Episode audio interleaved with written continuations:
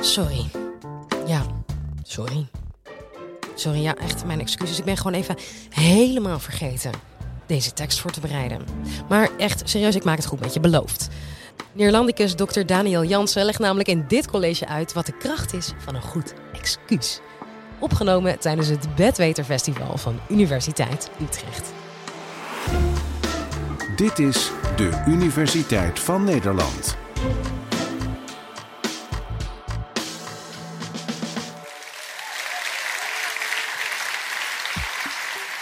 Wie van jullie heeft moeite om sorry te zeggen?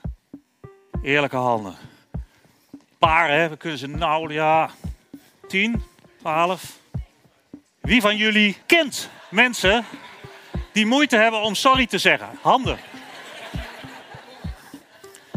Kijk, daar heb je het al, hè? Iedereen kent mensen die moeite hebben om sorry te zeggen. En als je vraagt, heb je er zelf moeite? Nee, ik, uh, ik heb er geen moeite mee. Maar de kans is vrij groot dat andere mensen jou wel waarnemen als iemand die moeite heeft om sorry te zeggen. Ook het feit dat, ja, dat iedereen wel mensen kent die moeite hebben om sorry te zeggen, dat heeft betekenis.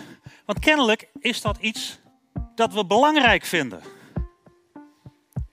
Als je, wie van jullie kent mensen die eh, heel graag de Elfstedentocht willen schaatsen? Ja, dat weet je eigenlijk niet van de meeste mensen om je heen. Dat heb je niet zo meegemaakt. Maar ja, excuses. Daarvan heb je vaak het idee dat je die nog wel te goed hebt van mensen. Er zijn meer mensen die daar moeite mee hebben.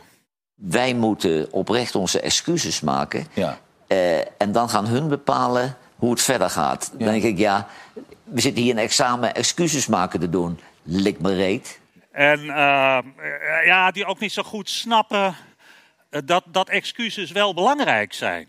Dat excuses niet iets is dat je onderuit gezakt op een bank met een bekertje koffie een beetje zo hè, voor je uit kan mompelen. Nee, mensen hechten daar waarde aan en veel waarde aan. En waarom is dat nou eigenlijk? Waarom vinden we excuses nou zo belangrijk? Nou, wij, wij zijn sociale wezens. Wij leven in groepen, wij doen dingen in groepen. Wij zijn um, in groepen veel beter dan we alleen zijn. En uh, het is van belang om dat, om dat in stand te houden, om die samenwerking in stand te houden. En dat gaat natuurlijk niet altijd goed. Dus dan heb je een systeem nodig dat je helpt om als je relaties schendt, om dat te herstellen. Want we zijn afhankelijk van elkaar. En daar hebben we excuses voor. Hebben we niet alleen in Nederland, uh, overal in de wereld kun je excuses maken in alle talen. En dat gaat ook in alle talen ongeveer hetzelfde. Met spijt in het hart richt ik mij tot u. Hang ai. I want to apologize to the Academy. I want to apologize to my, all my fellow nominees. Bij deze, ik, heb, ik bied excuus aan Nederland. Ik zeg sorry tegen Nederland voor het feit dat wij dat ik uh, in 2012. And if I've ever let someone down, if I've ever hurt their feelings, I am so sorry for that. Wat doen excuses? Nou, excuses in eerste, het allerbelangrijkste dat ze een soort de waardigheid herstellen van degene tegenover wie je hebt misdragen, tegenover wie je een transgressie hebt begaan. Die voelt dat als een vernedering en dat moet je op de een of andere manier herstellen door die waardigheid te herstellen. Bij deze, ik, heb, ik bied excuus aan Nederland. Als je een transgressie hebt begaan, dus een, een, een, norm of een verwachting hebt overtreden, dan moet je ook duidelijk maken ja, dat dat niet de bedoeling was. Dat je de waarde die je hebt overschreden, ja, dat je die wel echt deelt. Ja, sorry, ik ben te laat gekomen, maar ik vind het wel belangrijk om op tijd te zijn. Dat is een waarde die wij delen. Daarvoor dienen excuses. I am so sorry for that uitleg geven. Ik ben niet te laat gekomen omdat het me geen donder interesseert dat jij hier zit te wachten. Nee, ik was verdiept in dat Excel-bestand en ik dacht dat kan ik nog wel even doen. En toen was het ineens een half uur later. Dus je moet uitleggen. Ik ben geen sociopaat. Nee, ik, hè, ik heb een goede reden om het te doen. Wat je ook wil, is je wil kunnen blijven samenwerken, op mensen kunnen vertrouwen. Dus excuses helpen om uit te drukken, ja, dit is echt eenmalig. Je kan erop vertrouwen, omdat we die waarden delen, dat ik niet nog een keer die transgressie zal begaan.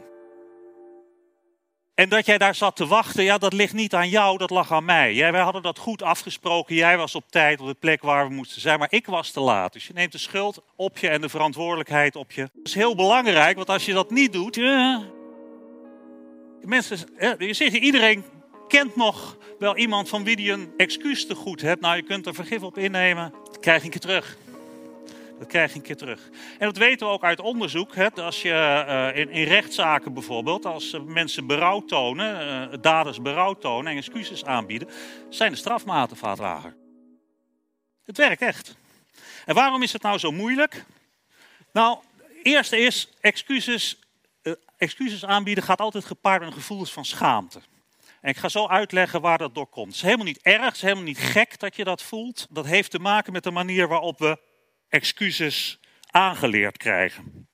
Uh, excuses gaan ook gepaard met angst. Je moet je iemand anders confronteren met, ja, uh, met iets wat jij hebt fout gedaan. En daar ma maak je je natuurlijk kwetsbaar voor de agressie van anderen.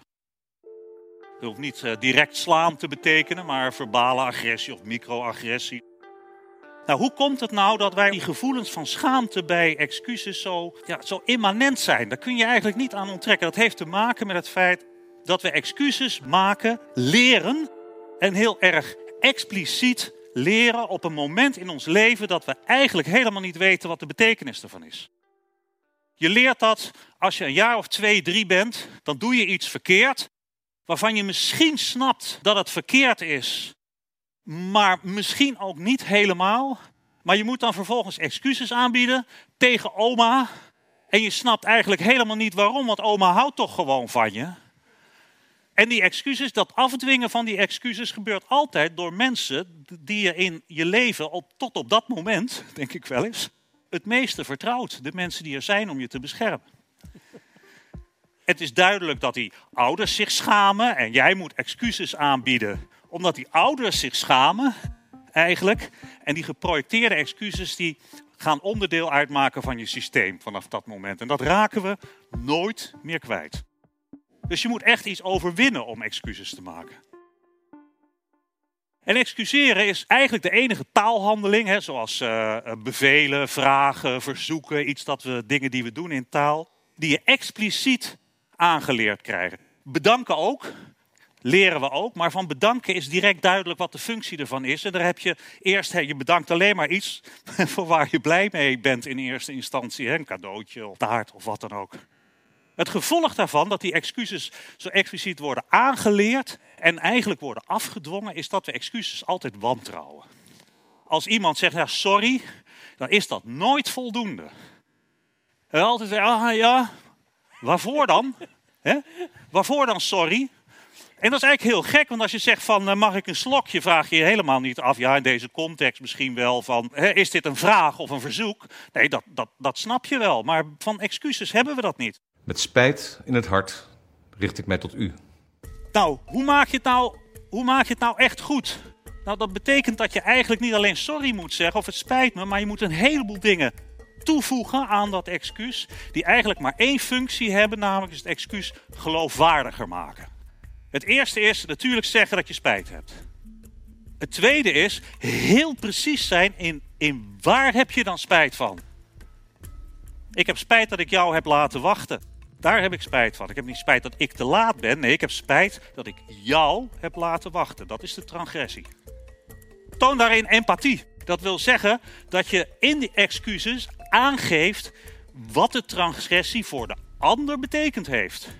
Ja, ik, ik, weet dat jij je altijd ontzettend ongerust maakt als mensen te laat komen.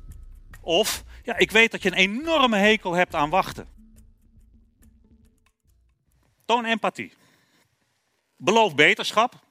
Kom niet nog een keer te laat. Dus de tweede keer kan je niet zeggen: nee, het was niet een Excel-bestand, maar uh, ja, het was een wordsheet. Kan ik dat, uh, ja, kwam er niet uit gewoon. Werkt niet, hè? Werkt niet. Omdat excuses al nooit geloofd worden, worden ze helemaal niet geloofd als je dat nog een keer dezelfde transgressie begaat. Het laatste, maak het goed. Vanavond betaal ik het eten. En hoe werken excuses nou? Waarom werken ze nou? Dat is als, als je mensen, als een transgressie begaat, als je iemand iets aandoet, worden mensen kwaad. En dat kunnen ze ontkennen. Hè? Ik word niet kwaad, ik ben een beetje verdrietig. Maar ze zijn gewoon kwaad. En doordat ze kwaad worden, gaan ze slechter over jou denken. En we doen dit onderzoek veel in organisaties en dan praat je over reputatie. Maar ze gaan slecht over de organisatie. En hoe kwaaier mensen worden, hoe slechter over je gaan denken. Dus als je een zware transgressie begaat, waar mensen echt kwaad worden, vinden ze je echt een grote zak. Maar wat doet excuses nou? Excuses doen dit. Ik heb heel veel experimenten gedaan. Dit komt er standaard uit. Hier, hier staat niet dat mensen minder boos worden. Voor alle duidelijkheid. Dat is niet zo. Bega je transgressie, worden mensen net zo kwaad. Maar als je excuses aanbiedt, nemen ze je dat minder kwalijk. Dankjewel.